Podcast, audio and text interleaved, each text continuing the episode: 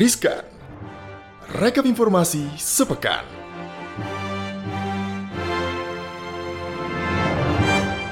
Halo semuanya, Sobat Cuan, di mana pun kalian berada, kita ketemu lagi nih, nggak ketemu sih, kita bertegur sapa lagi ya di podcast Cuap Cuap Cuan dalam segmen Riskan alias Rekap informasi sepekan. Dan kali ini gue eksisin eksis sendirian karena ditemenin sama anchor CNBC juga ada Bramudia Prabowo. Hai Bram. Halo Eksis, halo Sobat Cuan semuanya. Semoga sehat selalu ya. Amin, sehat-sehat juga ya Bram ya. Nah udah nggak kerasa ya Bram, kita seminggu hmm. bergulat di dunia pekerjaan kita ini sudah sampai hari Jumat lagi ternyata udah banyak informasi-informasi yang kita lewatkan ya. Benar ada uh, informasi-informasi penting pasti yang bakal kita bahas kali ini ya, Bram. Kita ke informasi yang pertama aja deh, langsung nih. Ini karena heboh juga.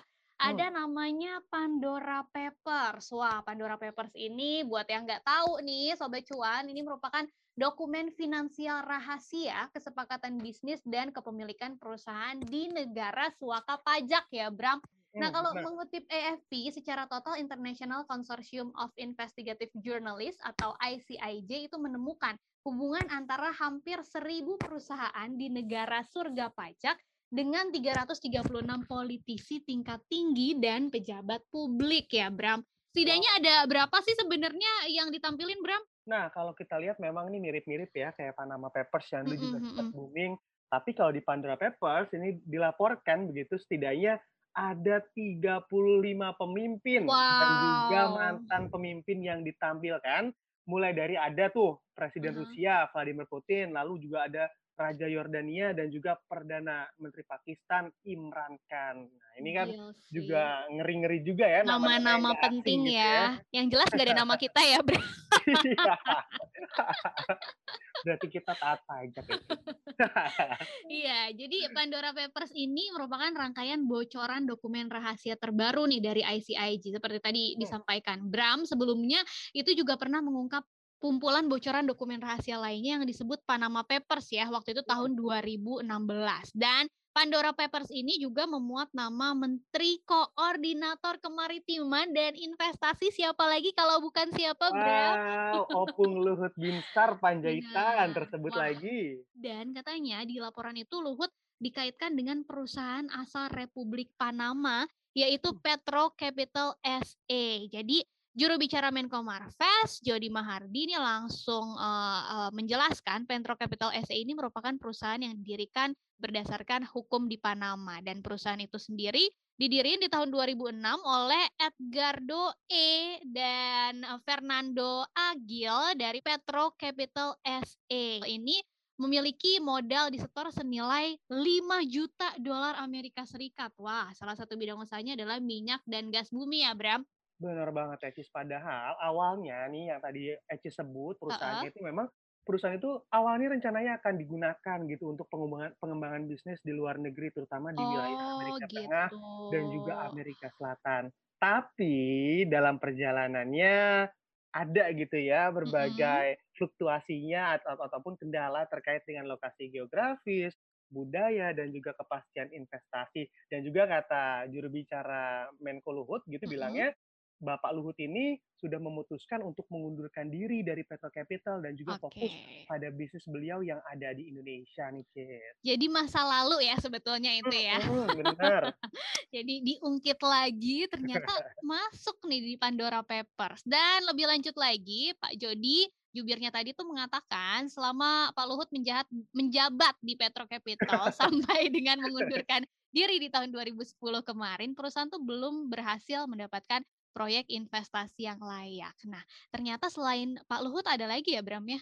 Hmm, bener banget. Siapa ya kira-kira? tapi emang kalau kita lihat informasinya masih simpang siur, tapi uh -huh. dikatakan begitu memang Opung Luhut ini bukan satu-satunya orang Indonesia yang tercatat dalam dokumen tersebut. Dan juga ada beberapa nama pejabat RI yang dikabarkan uh -huh. juga masuk. Nah ini kita tunggu aja nih kejutan. Siapakah berikutnya yang terungkap? Iya iya. Ya semoga yang uh, yang beredar informasinya seperti Pak Luhut tadi tidak seperti yang kita uh, ekspektasikan gitu ya, nggak seburuk yang kita pikirkan dan Iya. pejabat-pejabat lainnya juga jangan sampai ada banyak lagi sih sebenarnya. Oke, berita kedua ada apa lagi Bram yang hits juga di pekan ini? Nah, berita kedua nih pasti Sobat Cuan semuanya ataupun Ecis dan saya sendiri Mm-mm. di hari Senin kemarin agak bingung nih. Kok Instagram nggak bisa diakses ya? Aduh ini sih. WhatsApp, nah itu pada nggak bisa diakses. Dan ternyata memang di sini disebutkan ataupun dipublikasikan Mm-mm. aplikasi chat dan sosial media, yakni Mhm. WhatsApp, Facebook, dan Instagram sempat down nih Cie selama hampir Iya. 7 jam pada Senin 4 Oktober 2021. Waktu itu Bram lagi ngapain sih? itu Nah, jam aku bangun malam ti- kan? Kalau aku lihatnya pas bangun tidur nih. Oh, Bangun tidur kok nggak bisa, biasanya udah ada ya. notif ya kan. Kalau Ecis lagi ngapain, Cis? Beda ya. Kalau udah suami istri udah tidur jam segitu. Kalau gue masih overthinking ini gimana. Biasanya itu karena jam jam satu jam 2-an kalau nggak salah tiba-tiba gue lagi eh, Chatting. main-main kan, over stalking stalking lah gitu, Instagram Instagram nge-scroll nge-scroll kok nggak bisa gue coba di WhatsApp kok nggak bisa gue nggak ngecek Facebook ti nggak ngecek Ah. Facebook sih ya tapi Twitter masih bisa, TikTok juga masih bisa, ya akhirnya orang-orang jadi pada beralih ya Bram ya. Ini alasannya apa sih sebenarnya? Udah ada klarifikasi belum sih? Nah, ini kalau kita dengerin nih klarifikasi dari pihak eh, yang bersangkutan, Ah, ah. dari Vice President Infrastructure Facebook, Ing eh, Santos Janardan mengungkapkan tim teknik Facebook menemukan perubahan konfigurasi nih Cis, pada router backbone. Oke. Nah, ini namanya backbone berarti hal yang sangat penting nih tulang Iya, iya, belakang iya, iya. yang mengkoordinasikan lalu lintas jaringan antara data center jadi penyebab gangguan komunikasi ini dan juga Oke. pihaknya juga menambahkan begitu ya penyebab utama pemadaman ini juga mempengaruhi banyak alat dan juga sistem internal yang tim Facebook gunakan dalam operasi sehari-hari dan Oke. juga mempersulit upaya perusahaan untuk mendiagnosis menyelesaikan masalah dengan cepat. Jadi memang kayak sistem utamanya gitu ya, Cis, Iya, iya. Nggak perlu dipahami sobat cuan, nggak perlu dipahami secara mendalam. Yang jelas kita sebagai penggunanya merasa kesulitan gitu ya. 7 jam loh. Biasanya kan Hmm. sebelum-sebelumnya tuh ya paling berapa lama gitu ya. Ini 7 jam. Makanya aku yang biasa overthinking di malam hari akhirnya tertidur itu jadi sentimen positif juga. Buat aku jadi tidur lebih cepat ya. Thank you loh. Hmm, karena nggak jadi overthinking. Oke, nah permasalahan ini juga ternyata berdampak besar bukan cuma ke kita, tapi juga kekayaan Mark Zuckerberg terpengaruh loh, Bram. Ini sobat cuan Oh. ya. Ternyata dia kehilangan harta sebesar 6,1 miliar dolar atau sebesar Wow. 86,76 triliun rupiah. Gila ya. Kan Wow. kenapa sih kok bisa turun sampai kayak gitu? Karena alasannya di perdagangan bursa saham Amerika Serikat pemadaman Facebook, WhatsApp, dan Instagram ini akhirnya direspon investor dengan ramai-ramai melepas saham Facebook Inc. di perdagangan sampai akhirnya saham Facebooknya anjlok 5%. Akhirnya ya Hmm. harta Mark Zuckerberg kena juga. Benar banget. Apalagi kalau kita lihat nominalnya Ah. 86,76 triliun rupiah nih, Cis. Kita Iya. kerja satu tahun aja belum tentu dapat duit segini. Tapi mungkin menurut Mark buat Mark Zuckerberg itu dikit ya, cuma sama sekian persennya. buat kita jumbo banget tuh. Nah, tapi kalau menurut Bloomberg Billionaires, ya, Mhm. indeks gitu mencatat penurunan harta kekayaan ini juga membuat peringkat Mark Zuckerberg merosot nih, Cis, dari peringkat Oke. 4 ke peringkat 5 dalam daftar orang terkaya di dunia. Jadi, Iya. karena 86,76 triliun itu langsung Mhm. merosot tuh satu poin tuh, Cis. Iya, satu poin aja gitu kan nggak sampai ke 100 urutan Miskin mendadak dong, Cis. masih jadi orang terkaya ya. Ingat ya sobat cuan, walaupun sebesar itu yang lepas dia masih menjadi salah satu orang yang paling kaya di dunia. Jadi total Hmm. kekayaan Mark Zuckerberg sudah eh, 122 miliar dolar di bawah Bill Gates ya dengan Hmm. total 124 miliar dolar. Jadi ya beda-beda dikit lah. Eh, dan di sisi lain daunnya Facebook, WhatsApp dan Instagram ini juga rupanya membawa berkah justru buat sebaliknya Telegram nih saingannya atau rivalnya Facebook ya karena aplikasi chatting ini ternyata malah mendapatkan 70 juta pengguna baru. Orang-orang baru pada sadar ya kalau kita butuh backup loh ketika WhatsApp down um, sampai Iya. eh, 7 jam ini. Bram sendiri pakai Telegram gak sih Bram?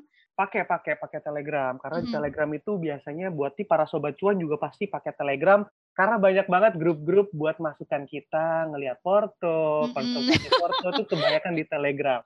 Iya, asal jangan yang masuknya ke ini ya, on eee, pinjaman online atau investasi bodong, kayak gitu-gitu juga banyak loh. Ya, Jadi, eee, yang menariknya lagi ya Bram, kalau yang Hmm. pas down itu admin official dari, eee, Twitter atau iya Twitter Twitter official-nya Twitter gitu ya, itu nyindir nih, nyindir, eee, rivalnya ini Facebook, Hmm. WhatsApp, dan Instagram dengan nge-tweet, "Hello literally everyone." Jadi ternyata dia menyadari orang-orang beralih ke Twitter saat itu gitu ya, dan mereka Iya. bales-balesan loh. Admin Instagram-nya juga bales, ya lagi pokoknya kayak ngobrol-ngobrol gitu, lucu ya ternyata ya kayak gitu ya. Iya, bener banget. Jangan-jangan adminnya sebenarnya sebelahan itu, Cis. Oke, semoga nggak terjadi lagi yang kayak gitu buat jadi evaluasi juga buat Facebook supaya kita enggak, eee, kewalahan lagi ya. Kalau kita Nah. mungkin itu pas jam malam, kalau yang pas jam pagi, wah ribet banget sih pasti komunikasi dan lain sebagainya. Nah, tadi itu seputar sosial media, informasi berikutnya ini pastinya masih seputar yang lebih hangat lagi Hmm. selama 2 tahun ini ya, hampir 2 tahun ya, seputar pandemi COVID-19. Benar. Karena ini tentang peringkat vaksinasi Indonesia nih, ternyata Indonesia itu ada di peringkat ke-6 loh, ada Wow. 148 juta warga yang sudah divaksin ya, kabar baik lah ya akhirnya di tengah kabar, negatif yang sering kita, eee, dengarkan seputar pandemi ini. Jadi sampai Senin empak 4 Oktober itu sudah ada 94 juta orang Indonesia yang dapat dosis pertama vaksin COVID-19, semoga Sobat Cuan salah satu di antaranya. Dan secara keseluruhan ada 148 juta orang yang sudah mendapatkan vaksin COVID-19 yang kedua ya. Nah, dengan Hmm. jumlah ini Indonesia akhirnya menempatilah peringkat ke-6 vaksinasi dunia, Bram. Wow, yang pasti pemerintah sukses gitu ya, Cis, ya. Yes. Setelah menggaungkan gitu, "Ayo vaksin vaksin." Akhirnya 2 juta dosis per hari, tembus juga. Dan juga kita berharap semuanya karena yang belum vaksin, ayo vaksin keburu nanti bayar ya, Cis, ya. Totalnya tuh lagi. udah banyak ya, Bram, ada 202 juta dosis yang ditambahin. Nah, 193 juta dosis ini sudah dikirimkan ke daerah-daerah dan dari jumlah itu masih ada 70 juta dosis vaksin yang jadi stok nih. Jadi semoga yang kemarin teriak-teriak ya kan kebanyakan di daerah tuh kekurangan vaksin, masih Hmm. banyaknya cuma di Jakarta itu udah bisa difasilitasi dan bisa segera vaksin supaya pandeminya cepat selesai ya, Bram. Nah, masuk banget nih. Ini Mhm. juga omongan Eci selaras sama omongannya Pak Budi. Mhm. Dari 70 juta dosis vaksin ini ataupun yang sudah menjadi stok ini, Cis, Mhm. memang Kemenkes sendiri, Pak Budi juga menggaungkan, ayo begitu ya, cepat-cepat Mhm. vaksin karena memang eee, Indonesia juga masih dalam program percepatan begitu dalam program Yes. vaksinasi ini dan juga eee, Pak Budi juga bilang begitu ya, menjelaskan kabar adanya obat-obatan baru dan dia mengatakan ataupun dia ngomong gitu ke publik bahwa memang saat ini pihaknya bekerja sama dengan BPOM dan Iya. juga rumah sakit vertikal untuk melakukan review dan uji klinis pada obat-obatan baru dan pastinya aman gitu ya, aman Iya nih biar iya bawain. iya. Jangan takut-takut untuk vaksin karena kalau nggak vaksin susah juga, entar ke mana-mana ditanya, "Udah vaksin belum, Mas?" "Belum." Iya, boleh karena semua mall. udah butuh peduli lindungi ya di mana-mana code, banget. jadi semua terlacak dan yang paling penting ya, eee, tujuan utamanya gimana pandemi ini bisa cepat selesai, kita melakukan berbagai cara ya. Tadi Hmm. vaksin benar penting banget buat preventifnya dan setuju banget sih sama Pak Menkes ini, Pak Budi, kalau Mhm. obat-obatan juga perlu disebarluasin lagi, diproduksi lebih banyak lagi karena, eee, buat nyembuhin yang lagi pada sakitnya nih. Karena percuma ya kita udah preventif, tapi yang lagi sakit-sakitnya ini malah nggak bisa terselamatkan. Kita kan tujuannya juga selain mengurangi jumlah kasus positif, yang sembuhnya juga makin meningkat ya, Bram. Iya, bener banget dan pasti aku sih menanti banget nih gimana perkembangannya vaksin merah putih nih, Cis. Sisi kebanggaan, apalagi sampai negara lain kalau sampai beli gitu ya, beli vaksin merah putih di kita. Itu juga Heeh. bisa tambah, eee, pemasukan buat negeri kita. Iya. Nah, ngomong-ngomong seputar, eee, pandemi COVID-19 yang Hmm. sekarang juga kasusnya udah semakin melandai gitu ya, kita pasti udah pada kangen banget jalan-jalan ya, Bram. Oh my god, Banget. udah berapa lama nih nggak keluar-keluar dan ini ada kabar, eee, yang enak juga enak juga, maksudnya Mhm. kabar yang menyenangkan juga karena Bali sebagai destinasi pariwisata utama Indonesia itu sudah mulai dibuka, akan dibuka untuk turis asing ya, mulai Wah. 14 Oktober. Jadi bakal ramai lagi, kita bisa jalan-jalan ketemu bule-bule lagi di Bali gitu dan Iya. pastinya dapat devisa nih buat uh, negara kita gitu ya. Jadi pemerintah berencana membuka bandara internasional Ngurah Rai Bali untuk penerbangan internasional per 14 Oktober nanti. Jadi ada beberapa ketentuan dan persyaratan pastinya yang diberikan ke setiap tamu kedatangan internasional. Jadi nggak gitu aja dilolosin. Yang pertama wajib karantina dan ada tes atau kesiapan uh, satuan tugas gitu kan setiap penumpang kedatangan internasional itu harus punya bukti booking hotelnya untuk karantina minimal 8 hari dengan biaya sendiri. Nah, ini untuk sobat cuan yang dari luar negeri ya. Hmm. Mungkin ini informasinya sangat penting jadi uh, harus dipastikan ada hotel untuk karantinanya minimal 8 hari ya, Bram. Ya, bener banget. Dan pasti syarat tambahannya nih, Cis, kalau misalnya kita baca, memang di sini uh, hanya beberapa turis Cis oh, yang boleh masuk ke Bali. Ya. Baru bertahap nih ya. Benar banget karena memang ada negara Korea Selatan, juga China, Abu Dhabi, juga New Zealand. Nah, ini belum semuanya ya, sobat cuan. Jadi kalau misalnya mau lihat bule-bule ya paling bule-bule ini aja dari negara ini. Bukan bule sih ya, New Zealandnya bule sih ya, masih Asia. Oke, saat dibuka nanti bandara di Bali itu juga akan menerapkan ketentuan dan persyaratan protokol kesehatan yang ketat ya. Masih hmm. pandemi pastinya masih ada prokes ya, walaupun udah dibuka. Selain penerapan karantina harus ada tes dan lainnya dan kebijakan ini akan diambil uh, menyusul semakin turunnya kasus positif COVID-19.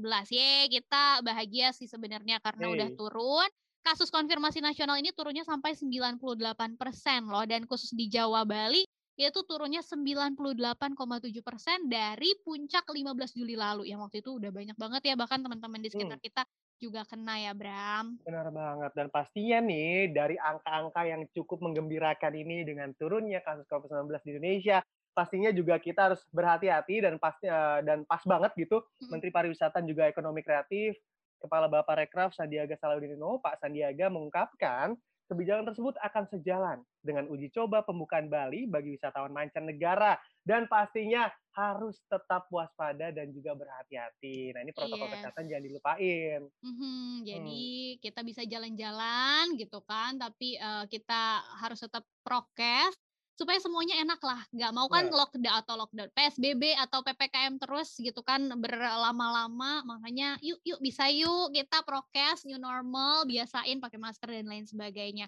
menurut Pak hmm. Sandi nih uh, ada beberapa pertimbangan yang harus difinalisasi sebelum 14 Oktober nanti termasuk dari segi negaranya, karantina dan testingnya, karena keselamatan masyarakat Indonesia sendiri yang harus dilindungi ya, jangan sampai kita buka hmm, untuk turis gitu tapi ternyata oh. mereka bawa virus ya dalam tanda kutip. Itu kan ah. kan yang sering kejadian apalagi ada varian-varian baru lagi yang bermunculan. Kemudian nanti akhirnya amit-amit naik lagi hmm. kasusnya kita ppkm lagi. Kayak gitu-gitu aja terus ya siklusnya. Gimana iya, nih kapan selesainya gitu kan? Nah makanya Pak Sandi bilang kalau pemerintah itu akan menyiapkan hotel-hotel yang dipersiapkan untuk karantina. Jadi udah disiapin tenang aja dan kemampuan buat testingnya juga akan ditingkatkan sampai 300 tes per hari di Bandara hmm. Internasional Ngurah Rai ya, Bram. Nah, Benar. itu dia tadi ada berapa informasi yang sudah kita rekap pada empat ya.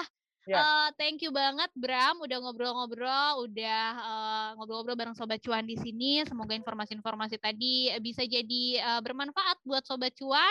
Apalagi tadi ya ada informasi-informasi penting yang bisa kita pakai kalau kita mau jalan-jalan misalnya dan lain sebagainya. Dan Sobat Cuan pastinya uh, saksikan terus podcast cuap-cuap cuan yang bisa didengerin di Spotify, Apple Podcast, dan Google Podcast. Follow Instagramnya cuap-cuap cuan di @cuap-cuan dan subscribe YouTube-nya di mana, Bram? Kita bisa lihat subscribe ataupun YouTube channel cuap cuan di cuap-cuap cuan yang pastinya Sobat Cuan harus like, share, dan komen ya. Udah kayak YouTuber yes. belum? Kurang sih, Bram. Kurang, Masih ya? harus dilatih lagi ya, Bram, supaya bisa the next YouTuber Indonesia. ya, pokoknya itu aja ya, Sobat Cuan. Kita bakal balik lagi di Jumat hmm. pekan depan dengan informasi-informasi menarik lainnya. Stay tune terus. Sampai jumpa, Sobat Cuan. Thank you, Bram. Thank you. Bye, Sobat Cuan.